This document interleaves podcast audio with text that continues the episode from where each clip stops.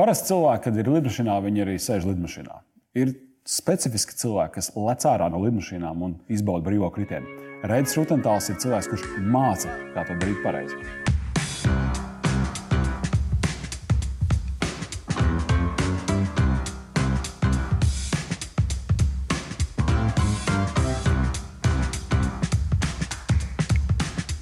Pirms kāda laika Oskars man ievilka augstā ūdenī. Un, uh, jāsaka, man tas diezgan labi arī patika. Viss ir kārtībā, un es man šķiet, esmu gatavs jau nākamajam e- ekstrēmam solim, nu, vismaz manā prātā, ekstrēmam, kā tas būtu izlikt arī izpletni. Protams, ka Oskars jau to dara. Kāds pārsteigums. Bet, bet jā, mūsu šodienas viesis ir Oskars un Reinis. un Reinis. Reini, tāds kā es, kurš aizbraucu nu, pie tevis, uh, tu esi instruktors. Uh, kas ir tie pirmie soļi? Nu, es neko nezinu par to. Ko tu parasti stāsti cilvēkiem? Ko es sajutīšu, kā tas viss izskatīsies? Skaidrs, ka lielākajai daļai droši vien ierodoties uz pirmo lēcienu, ir uh, paliels stress vai pat izteiktas bailes. Un, um, man tā kā pirmā recepte, kas gandrīz visiem strādā, ir informācija. Lai nebūtu bailes, ir jāsaprot, kas tas ir pa procesu, kā tas notiek. Un, Tāpēc instruktāža ir ne tik daudz, cik sarežģīta un tehniska par to, cik daudz tam cilvēkam ir jādara līdzi, man jāpalīdz tajā lēcienā, bet vairāk par to, lai viņš saprot, kā tas vienkārši notiek, ka visi posmi ir saplānoti un, un tādā veidā arī to kliedē to stresa līmeni. Tā kā es ļoti svarīgi šeit ir aprunāties, sajust cilvēku, uh, atbildēt uz visiem viņa neskaidriem jautājumiem, lai viņam tās bažas visas kliedējās un izveidojas tāds labs savstarpējs kontakts un uzticība. Mm. Tu droši vien esi redzējis visādas gammas, vai ne? No, no, no, no, no kaut kā pilnīgi histēriska līdz tur droši vien tādam, kurš. Bet kopumā ņemot, jāsaka, arī lielākā daļa, nu, gandrīz visi cilvēki, kas ir atbraukuši, jau tikuši līdz lidlaukam, viņi savā ziņā jau ir lielu soli jau spēruši un lēmumu pieņēmuši. Es domāju, ka tur ir kaut kāds filtrs jau ir noticis iepriekšējās dienās. Jau.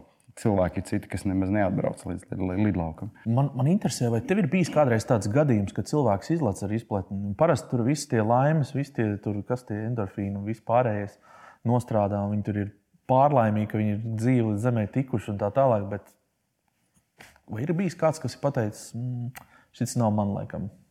Cik daudz tādu cilvēku ir? Vispār, teikt, var teikt, mūsu komandā tā nenotiek. Mēs ļoti rūpīgi aprunājamies, cilvēku sagatavojam. Viņam viņš sajūtās kā draugu lokā, tādā ciešā, tā ļoti personīgi. Un, kad ejam uz lidmašīnu, faktiski tur jau nav šaubu, ka leks. Bet ir tādi, kas neaiziet uz lidmašīnu. Atbrauc uz lidlauku, noklausās visu un saka, mm, tomēr ne. Nē. Arī nē.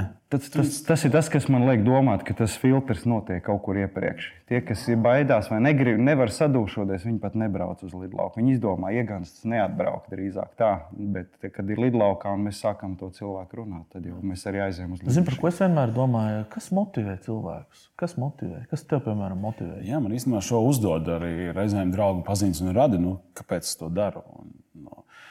Un, tā, tagad, retrospektīvi skatoties, nu, man ir šobrīd jau 35 lecieni, kas ir maz uh, lecēji komunā, bet cilvēkiem, kas nelec, tas izklausās daudz. Nu, man tas 30, izklausās daudz. Jā, 35 jā. reizes jau esmu lecis. Tas ir vairāk gadu garumā, gan jāsaka.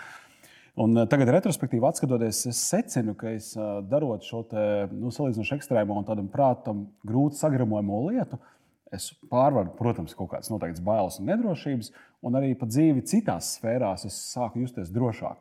Nu, no sevis, ja es to varu pārdzīvot, nu, tad jau kas tas ir.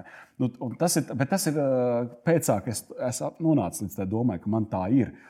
Toreiz, kas mani motivēja, nu, pats pirmais leciens man bija, es nezinu, pirms gadiem 20, spilvē ar tādu padomāju, ka izplatīju tādu apaļu nevadāmu Un uh, tu pat nevari viņu vaļā. Tu izlasi lidmašīnas, nostiepjas virve un tev kā, atver to izplatni. Nu, tad brīvais kritiens ir, nezinu, cik tur 2-3 sekundes.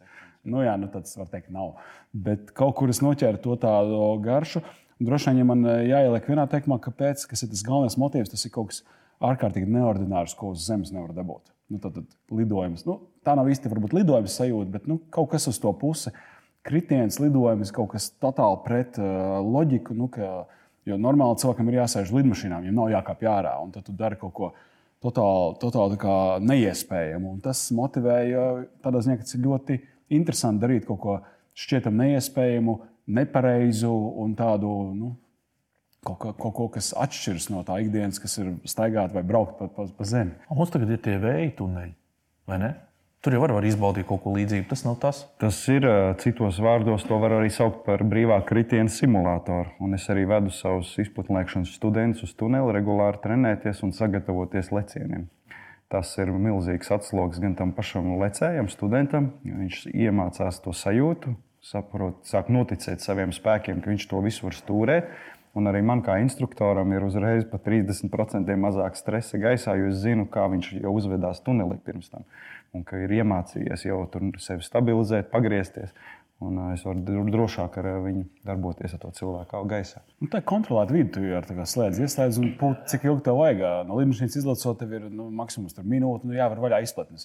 Un varbūt tajā 50. sekundē es beidzot noķēru to sajūtu, un instruktoram gribētos varbūt vēl kaut ko, bet nav, nu, tev, var, tu nedrīkst vairs, tāpēc tev jāvar izplatnes vaļā. Nu, es varbūt tā vienkāršot izsakos, bet, bet tunelī tu vari, nu, viņš atpūties, atkal slēdz iekšā un, un turpini to treniņu. Kurā brīdī tu uh, ļauj cilvēkam pašam lekt ar izplatni? Jo skaidrs, ka tu lec pirmajā reizē kopā ar to cilvēku. Jā, mums ir speciāla programma, ir veseli astoņi līmeņi, astoņi lēcieni ar dažādiem uzdevumiem. Un, ja visi viņi ir izpildīti, tad mēs varam teikt, palaist cilvēku vienu pašu bez manas, manas palīdzības ārā. Un, bet tās progresa reālais atšķirās. Ir, ir cilvēki, kam vajag bišķiņu vairāk, kaut kādas nu, uzdevumi jāatkārto, neizdevās ar pirmo reizi.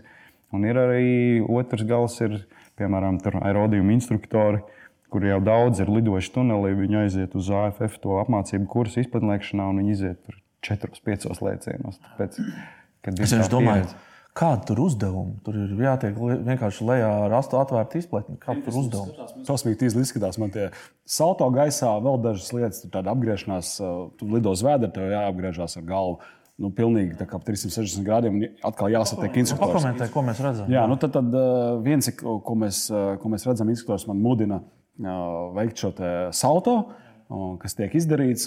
Viņam nav svarīgi redzēt, cik tas ir kvalitīvi izdarīts un skaisti. Jo, protams, tur nekā skaista un eleganta nav, ja cilvēks dara trešo reizi dzīvē. Bet ir, tas, kas ir pats būtiskākais, vai pēc tam pēc šī te, nu, neliela akrobātiskā trika var nostabilizēties un turpināt stabilu lidojumu ar kontrolētu pozīciju, kas nesāk tur virpuļot gaisā, kas potenciāli var novest līdz nu, nu, kaut kādām nestabilitātēm vai pat uh, samaņas zaudēšanai. Es, es tajos video esmu pamanījis, ka tu ik pa laikam iemet uh, roku, skaties pulksti, pulkstenī, ko iemet acis pulkstenī. Tas nav pulkstenis, tas ir augstuma mērītājs. Jā. Nu, tas ir viens no pamatu uzdevumiem visā šajā kursā, ir pareizā augstuma atvērt izpletni pareizā, stabilā pozā. Pārējās lietas jau ir tādas papildus uzdevumi, kas apgrūtina vai novērš domas, pēc tam atkal jāatgriežas pie augstuma kontrolas un atkal jāatver izpletne. Jā, pasaulē skatos diezgan daudzi ķer šīs ekstrēmās sajūtas. Tepat nesen es skatījos viens, kas tas bija, viens um, triku meistars, kaut kāds um, maģišs, kā to sauc. Viņš, viņš ar kaut kādiem baloniem laidās gaisā, tur YouTube bija pat tiešraides. Nezinu, jūs redzējāt, neredzējāt, bija tāds vesels, ka viņš ar baloniem pacēlās gaisā, un tad faktiski viņu nesa vējš, tikai viņš tur bija kaut kāds, ko tik nebija tur izmērījis, un tad nolaidās lejā laukā kaut kādā ar, ar izpletni no, no tiem baloniem. Nu, Izplatnēcēji diezgan radoši mūsdienās izdomā veidus, kā tikt augšā. Un beigās jau iznākums, un tas instruments ir viens, ar izpletni nolaisties lejā. Ir beigas kur lec no klintīm vai, vai, vai tiltiem. Uh, Un tāpat tās izdomā ar gaisa baloniem nu, vai helija baloniem. Kā kādreiz, kas tur bija Mērija Popins vai kas tur pasakās, pacēlās. Un, un tad ir iespējams tādā veidā īstenībā īstenam pacelties gaisā, pēc tam tikt vaļā no tiem baloniem un atvērt izpletni.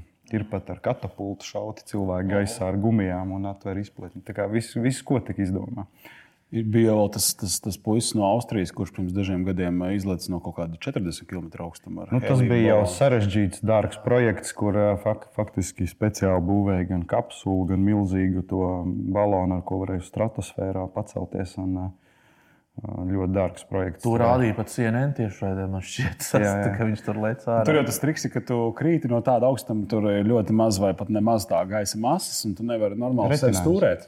Tāds retinājums, ka tu krīti kā. Nu, tas bija viens no viņa mērķiem, ir pārsist skaņas ātrumu. Viņš bija pirmais cilvēks, kas pārsniedza brīvajā kritienā skaņas ātrumu tikai dēļ tā augstuma un retinājuma, ka tas gaiss tur tik maz, ka ātrums ir pārpa 1000 kaut kas tāds. Kaut kas nenormāls, bet cik parasti ir tas kritiens? Nu, cik ātri es krītu? Nu, 200 km. Normālā izpildlēcēju augstumā mēs krītam ar ātrumu 200 km/h vidēji.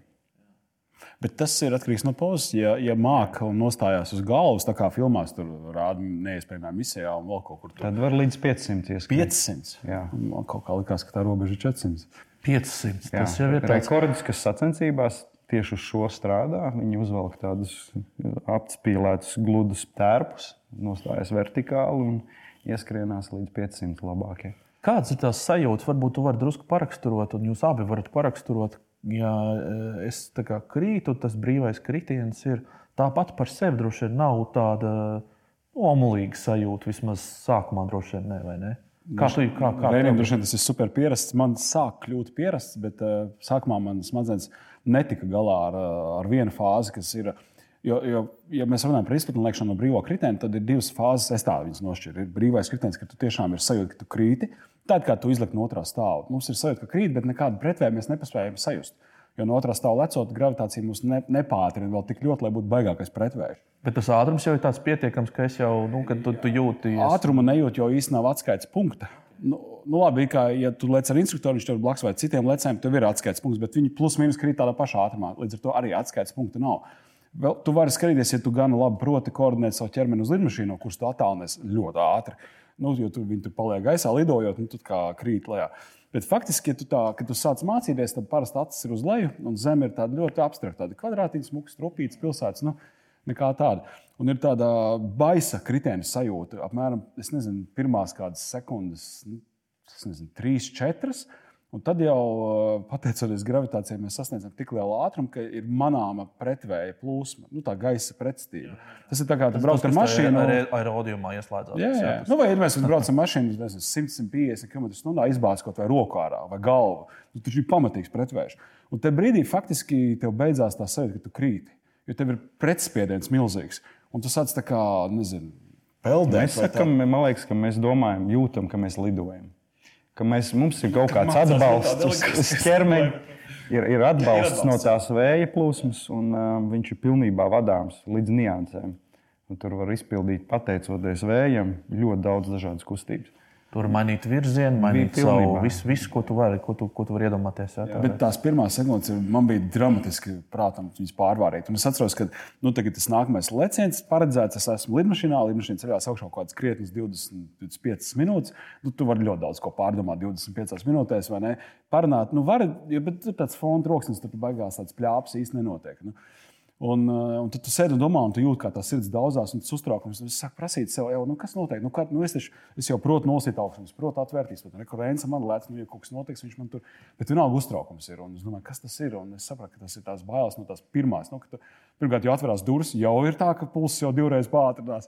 Un tad tu izkāp ārā. Un tas, un es atceros, ka sākumā man bija tā, ka es gribēju pie kaut kā pieturēties. Un nekā nav. Tas bija, tas bija dramatiski. Bet tad vienā brīdī kaut kā es pieņēmu, ka nu, tā vienkārši ir. Un, un tajā brīdī, pilnīgi, tagad, lecot, man ir tā, ka es tieši ļoti izbaudu tieši tās pirmās sekundes. Faktiski, pilnīgi dabūju pārstādīt galvā to. to tas, man liekas, ir tas, kas iedod tieši tas fakts, ka tu pārkāp pāri un izdari kaut ko pilnīgi cilvēkam neparedzētu, loģiski. Ja?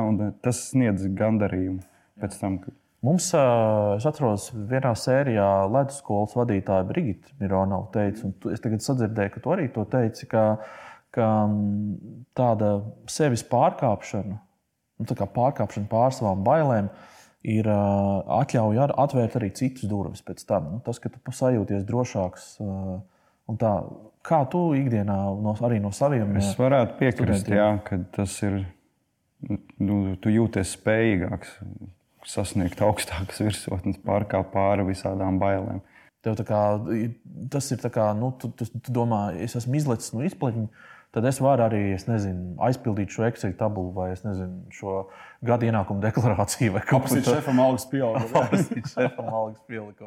Varbūt tas tā plašāk dod kaut kādu drosmi jā, citos lēmumos. Nu, es domāju, sportos un augst, ar augstumu saistītās lietās, domāju, arī tā doma galvā nospēlē, ka es taču lecu ar izplatni, es droši vien varu izdarīt arī to un to. Ja cilvēks, piemēram, ir tāds azartisks, vai nav tā, ka viņš atkal jau nākamo tur ies soli un vēl kaut ko es zinu Es zinu, ka man liekas, Ingūns Augstkalns no, ir, ir darījis to, ka viņš, liekas, viņš visu laiku iet kaut kādus soļus uz priekšu un, un kaut ko trakāk, kaut ko trakāk. Un, es arī ievilku Ingūnu šai sportā senāk. Un, jā, Ingūns ir ļoti mērķiecīgs, azartisks un, un meklē jā, visu laiku izaicinājumus. Ja mēs varam redzēt, kā viņš lec no, no, no, no, no, to, no torņa. Ir...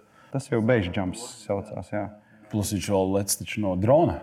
Pacēla dronu. Sākumā viņš uzkāpa turnī, un tad drons pacēla augstā, lai būtu droši. Ja gadījumā drons tur pie zemes uzkarās, tad viņš tur no, ar visu Latvijas karogu un šis nokļuva visur starptautiskajos mēdījos. Jā, viņš bija pirmais cilvēks, kas to izdarīja pasaulē. Tas, ko tu teici, ka es taču lecu ar izplatni, tad jau es varu tur to un to. Es atceros, man ir reizēm es izmantoju to komunikācijā. Man nu, ir tuvākiem cilvēkiem, es tur kaut kādu nezinu, tur, nu, tipat nezinu stiprina lampu pie griestiem, un māte, man, kurai es to daru, kaut ko mēģina man palīdzēt, kad viņi nav taujāti pēc palīdzības.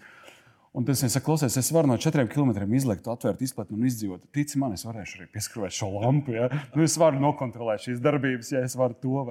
Un tad parasti komunikācija nu, nu, netiek tiksim, tā aizvērta, bet tiek ļoti, tas, šis arguments ir ārkārtīgi jaudīgs. Pret to jau ir grūti kaut ko. Nu, nu, ja man kāds apšauba tās spējas, tīri par kaut ko tehnisku izdarīt. Nu, tas, protams, ir varbūt augstprātīgi skan, bet. Nē, nē, nu, kā, kā var saprast, kā joku, kā joku to var izspēlēt. Saka, Reini, vai tev ir nav bail no, no, no tādiem cilvēkiem, kas atnāk ļoti pašpārliecināti? Tas man dara uzmanīgu. Jo nu, mēs arī citreiz tiem cilvēkiem, kas baidās, sakām, ka, ja cilvēks nebaidās, tad ar viņu kaut kas nav kārtībā. tad vai nu viņam nav informācijas par to, kādi riski tur ir ietverti, vai viņš varbūt pilnībā neapzinās eh, to sportu un kā, kas tur var būt. Eh, nu, vai arī ir ļoti liels rūdījums un stipri nervi. Arī tādi ir cilvēki. Un tad, protams, tur viss ir kārtībā. Es redzu, ka viņš adekvāti rīkojas un, un mm, izdara visu droši, nu, tad forši. Tad īstenībā viņš ātrāk progresē, jo bailes viņu nebremzē. Eh, ir daži tādi cilvēki. Jā. Bet nav, viņi droši vien nav daudz, vai ne? Jā, protams, tas ir, tāds... tas ir maz, maza daļa. Un arī tad starp tiem jāskatās, kur ir tie ar struktūrētām domām iet uz lidmašīnu un kur ir varbūt vienkārši pārgalvīgi. Mm -hmm. Cik daudz vispār tādu cilvēku ir izgājuši ar tavām rokām tieši tā kā instruktors? Tu kaut kā Es kaut kādu grāmatvedību. Jā, nu, lecienus mēs ļoti rūpīgi uzskaitām. Arī, lai uzturētu instruktoru kvalifikāciju, ir katrā kvalifikācijā ir jāveic noteikts lecienu skaits gadā. Tā teikt, nedrīkst atslābt, ir visu laiku jātur sev formā. Un, uh, Mēs skaitām, jā, cik mums studenti ir bijuši apmācāmi, cik tandēmi ir izlaists. Tad um, kopā es esmu veicis apmēram 500 lē, instruktoru lēcienus tieši kā instruktors. Kopā cik tālu lēcienu? Man ir 2300 pāri. Mm, tad ar 2,3500 ir ar studentiem. Jā. Gluži pārējo, pārējais tev ir tāds prieka pēc. Ir viss, kas cits ir mēģināts. Esmu lecis beigšķumpu, vingsūtus, esmu lecis grupās. Ļoti liela man tā kā kaislība ir freeflies. Tas ir tāda disciplīna, kur krīt maza komanda vai nu, pārsvarā divi tā trietā un izpilda dažādas trikus vertikālās pozās, kas ir tas lielais ātrums, tur 300 km/h apmēram.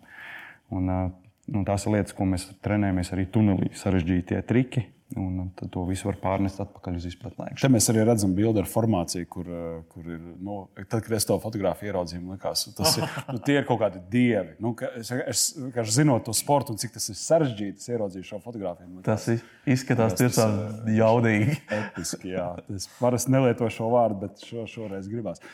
Klausies par to komunikāciju. Mums uh, raidījums ir veltīts komunikācijas tematam. Tu minēji diezgan daudz par to, ka tu nu, bagātini cilvēku ar informāciju, norādi uz riskiem, uh, visu izrunājot, lai viss ir droši. Bet tad, kad ir tas kritiens un tas ātrums uh, ap 200 km/h, tas ir mežonīgs troksnis. Kā tu tiec galā ar komunikāciju? Nu, es nojaušu atbildēt, mazliet, jo es pats biju ar tevi, bet varbūt tu vari izstāstīt cilvēkiem, kas to nekad nav darījuši. Um, šo es esmu neapzināti attīstījis divās nozarēs. Tas ir izplatnēkšanā un vēja tuneļos. Izpatnēšanā ir ierobežota laika un, laiks un redzamība leciena laikā. Tur ir ķermeņa valoda un ļoti burtiski pāris signāli, tikai, ko mēs varam parādīt cilvēkam. Viņš viņus vai nu izdara, vai neizdara. Un, uh, citreiz ir tā, ka es pavadu visu lēcienu, rādot dažādas signālus studentam priekšā. Pats es esmu viņam sānā, viņš mani īsti neredz. Un, uh, un nav vispār reakcijas. Visi lidojumi nolido, un es tā arī tur un neko neizdaru. nu, cilvēkam vēl būtu kaut kāda brem, bremzīte galvā. Jā, nu, tas nav vēl, bet neredz. jā, jā. Uh, un uh, tuneļos tas ir attīstīts vēl vairāk, ja pēc, tāpēc, ka tur mēs mācot cilvēku lidojumu laikā, varam atrasties faktiski visu laiku priekšā. Un tur ir ļoti daudz visādi smalki signāli, ķermeņa valoda galvenokārt. Ar savu ķermeni, ar mīmiku var ļoti daudz ko parādīt. Un, protams, vislielākais emocionālā līmenī ir spogulis, ir acis. Uh, Tāpēc man īstenībā nepatīk izpētēšanā tāda, tāda stilīga, ja, kam patīk baigi saulēnē slēgt, bet es, es neredzu emocijas. Un tad man liekas, tas kaut ko nozog no tā procesa. Jā. Es iedomājos, nu, tā kā tu arī gribi pamēģināt jaunas lietas, un, un, un tu teici, tu, tu, tu uzskaitīji, ko tik tu neesi darījis. Uh, Um, vai ir kaut kā tā, ka uh, motivāciju jaunas lietas pamēģināt dod arī kaut kādas filmas, kā Mission Impossible un visādi šīs ar Tomu Krūzi, kurš lec un, un dara kaut kādas dīvainas lietas? Uh, vai tev kādreiz ir motivējuši, ka tu ieraugi šo filmā un tu domā, nu jā. Tas sākumā, es domāju, ir daudziem izplatnēcējiem, pat ja tā aprat, aptaujā tos, ka lec jau daudzus gadus, daudziem ir viens un tās pašas filmas, viņus noveduši šajā sportā. Ja, tas ir uh, breakpoints, jeb, kā viņi latviešu sauc. Jā, jā nu, slavena filma Lūzuma punkts. Jā, tur bija dropzona un, un vēl ir dažas filmas, tādas jau vecas, jā. kur parādījās izplatnēšana tādā niansētākā. Un, uh, daudziem no mums tas ir kalpojis par uh, kā, avotu, kāpēc mēs vispār esam nonākuši tajā sportā. Tas ir mūsu iedvesmojis. Bet tas droši vien nav veselīgi, ja ar to sākās. Tā, tā vispār kopumā Nē, tā kāpēc? ir galvenā motivācija. Tā ir, eh, tas ir varbūt pirmais impulss, no kurienes vispār uzzinām, ka tāds sports ir. Un, uh, viņš pēkšņi aizķerās prātā, oh, tas taču varētu būt baigi forši. Un tad tu izmēģini, ar gadiem iemācies, un tad ir otrādi. Skaties uz, uz jaunām filmām, un tiem trikiem redzi cauri, vai ne, šis ir montēts, šis nav pa īstam. Šito. Šito es varu izdarīt labāk. Jā, un kad tur ir. Labi, bet nu, tādā noslēgumā varbūt, ja, ja tu aicini cilvēkus pamēģināt, kā tas ir izliekt no arī izpletni. Kas ir tie vārdi, kā tu to dari, kas ir tas tavs tā āķa komunikācija, tas, tas, tas, tas galvenais teksts, ko tu parasti saki? Mm, ir, tā, ka varbūt pirmos piecus vai desmit gadus sportā es arī mēģināju vilkt savus draugus iekšā.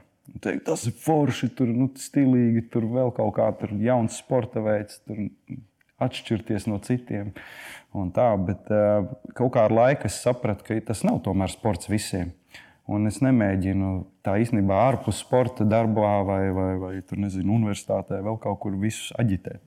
Īsnībā es pastāstu, ar ko es nodarbojos. Ja cilvēkam aizķer, viņš sāk man uzdot jautājumus, tad es pastāstu vairāk.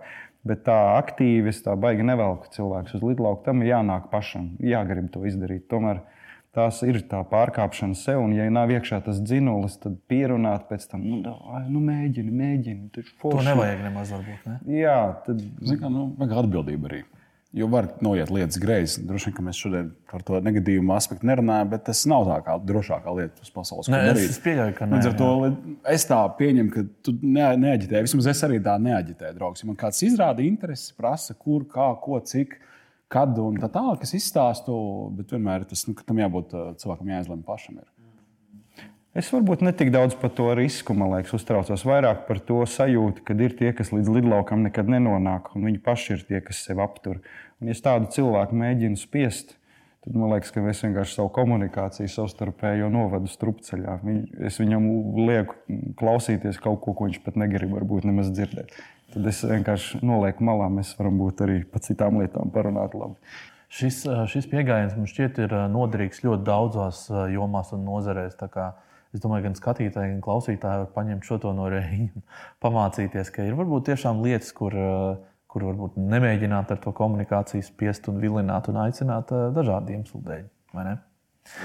Forši, liels paldies, Reini, ka atradi laiku. Jā. Mēs ar jums, skatītāji, klausītāji, tiekamies atkal nākamajā nedēļā. Visu labu!